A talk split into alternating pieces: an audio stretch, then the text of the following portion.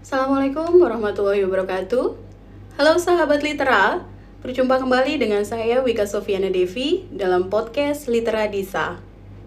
Dalam perjumpaan kali ini, kita akan membahas aliran realisme, modernisme, dan postmodernisme. Baiklah, yang pertama kita akan membahas mengenai aliran realisme. Dalam Sutono, filsafat pendidikan realisme merupakan suatu aliran filsafat yang berpandangan bahwa suatu realitas menjadi objek yang real tanpa berdasarkan pengetahuan lain atau berdiri sendiri, sehingga dapat dikatakan objektif. Aliran realisme berkotomi dengan aliran idealisme. Realisme menganggap bahwa objek yang real merupakan benda-benda yang ada, terlepas dari ilmu pengetahuan yang kita ketahui atau persepsi kita berdasarkan akal. Aliran realisme ini berkembang dalam dunia sastra Indonesia.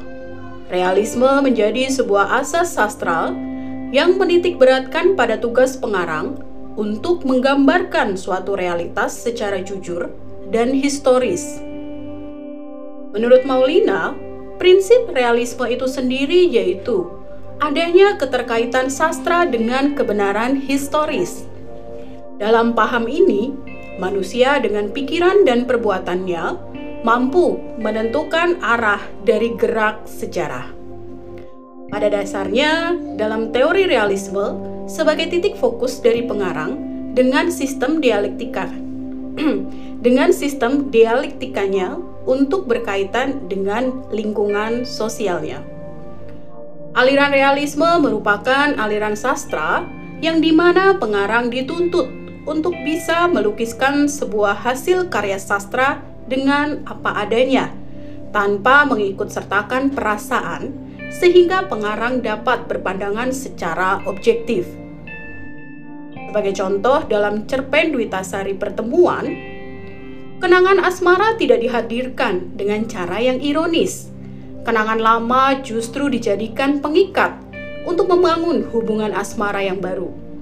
Cerpen ini menggambarkan analepsis kenangan asmara itu hanya muncul sekilas demi sekilas. Cerpen ini lebih berupaya memperlihatkan gerak peristiwa, bukan suasana. Kenangan terserap ke dalam peristiwa, bukan sebaliknya sehingga cerpen ini cenderung bergaya realisme. Bagaimana? Apakah sudah ada pemah uh, bagaimana sahabat litera sudah mulai memahami aliran realisme kah? Yuk, kita lanjut pada aliran modernisme. Modernisme adalah gerakan sastra yang menjadi populer pada awal abad ke-20 Biasanya penulis menceritakan peristiwa-peristiwa seperti perang dunia, industrialisasi, dan juga urbanisasi. Peristiwa semacam ini membuat orang mempertanyakan dasar-dasar masyarakat barat dan masa depan kemanusiaan. Maka, penulis modernisme mulai menulis tentang kemunduran peradaban, diri batinia, dan kesadaran. Pekerjaan mereka juga mencerminkan rasa kekecewaan dan fragmentasi.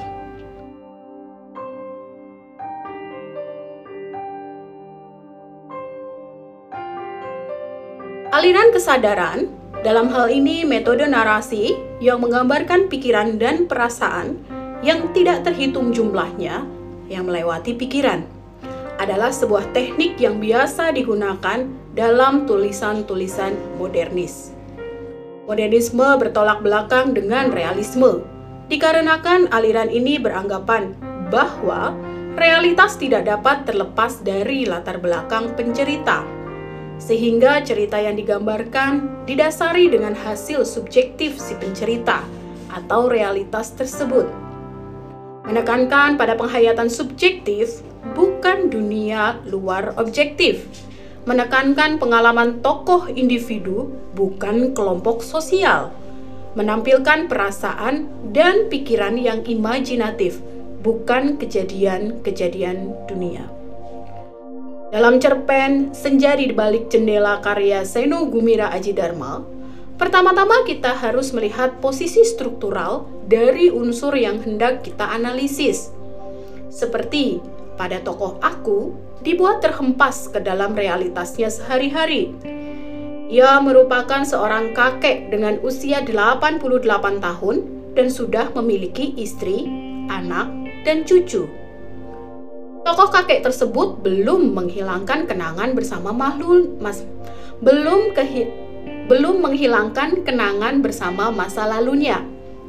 Kenangan lama tokoh aku dimunculkan kembali untuk membangun hubungan asmara yang baru. Cerita ini merupakan posisi subjektif pencerita dalam melihat sebuah pengalaman. Realitas asmara yang tidak diperhatikan dengan apa adanya tetapi sudah dibalut dengan gaya ironi. Teknik deskripsi tempat pada cerita ini merupakan teknik impresionistik, yaitu suasana yang diungkapkan dengan mencirikan tempat. Artinya, tempat dalam cerita ini tidak digambarkan apa adanya, tetapi dipilih dan ditata dalam pengungkapannya agar dapat membangkitkan suasana. Cerpen ini hendaknya mempertahankan sikap impresionistiknya secara terus-menerus, sehingga kita selalu diajak untuk melihat dunia riwayat dalam cerpen melalui subjektivitas aku naratornya. Nah, pada aliran postmodernisme. Kata postmodernisme sendiri digunakan oleh Jean Francois Lyotard untuk menggambarkan kondisi perkembangan pengetahuan di masyarakat yang peradabannya maju dengan cepat, berbeda dengan zaman modern. Postmodernisme lahir setelah aliran modernisme. Aliran ini dianggap kontra dengan aliran modernisme. Pada aliran ini menganggap tidak adanya kebenaran yang absolut, sehingga semua yang ada di dunia dapat disangkal Menurut McHale, jika fiksi karya-karya pada fiksi modern mengacu pada abad ke-20 hingga tahun 1958, sedangkan fiksi postmodern mengacu pada karya fiksi setelah tahun tersebut. Karya postmodernisme muncul pertama kali di wilayah seni di New York tahun 1960. Dalam karya sastra istilah postmodernisme muncul pertama kali dalam antologia De Poesia Espanola e Hispano-Americana milik Federico de Onis di tahun 1930-an. Postmodernisme merupakan pergeseran nilai yang menyertai budaya masa dari produksi ke konsumsi, dari pencipta ke penerima, dari karya ke teks, Postmodernisme menghapus perbedaan antar budaya tinggi dan budaya rendah, antar penampilan dan kenyataan, serta mendorong kebangkitan golongan tertindas. Dengan demikian, postmodernisme secara umum adalah proses dediferensiasi dan munculnya peleburan di segala bidang. Analisis struktural postmodernisme pada roman author de Monde karya Lauren Mauviner berkisah tentang kejadian-kejadian di seluruh dunia pada bulan Mei 2011.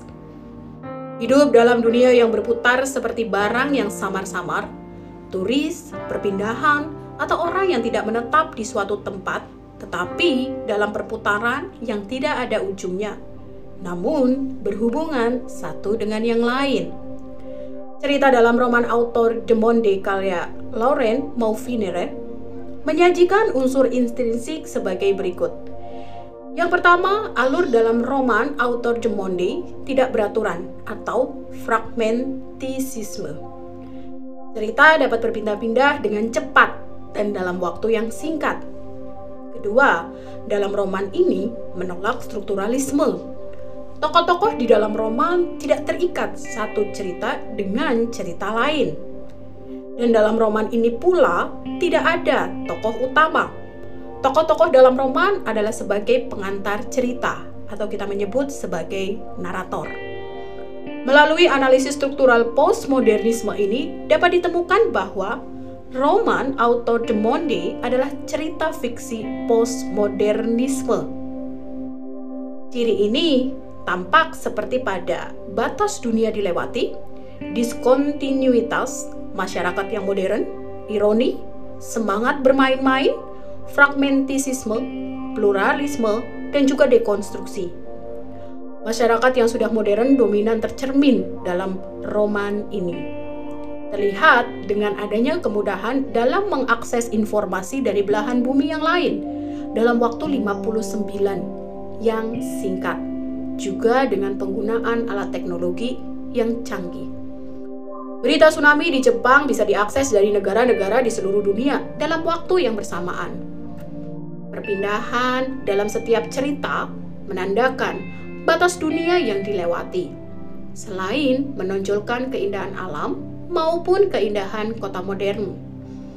Roman autor De Monde menceritakan tentang kejadian yang tidak diharapkan, seperti terjadinya tsunami di Jepang, penyerangan di Tel Aviv, dan penyerangan dan penyanderaan oleh bajak laut di Teluk Aden. Ciri dekonstruksi dalam roman autor De Monde terlihat dengan penolakan terhadap strukturalisme, seperti alur yang tidak beraturan, tidak ada penokohan, cerita yang tidak mempunyai akhir, atau kita menyebut sebagai diskontinuitas.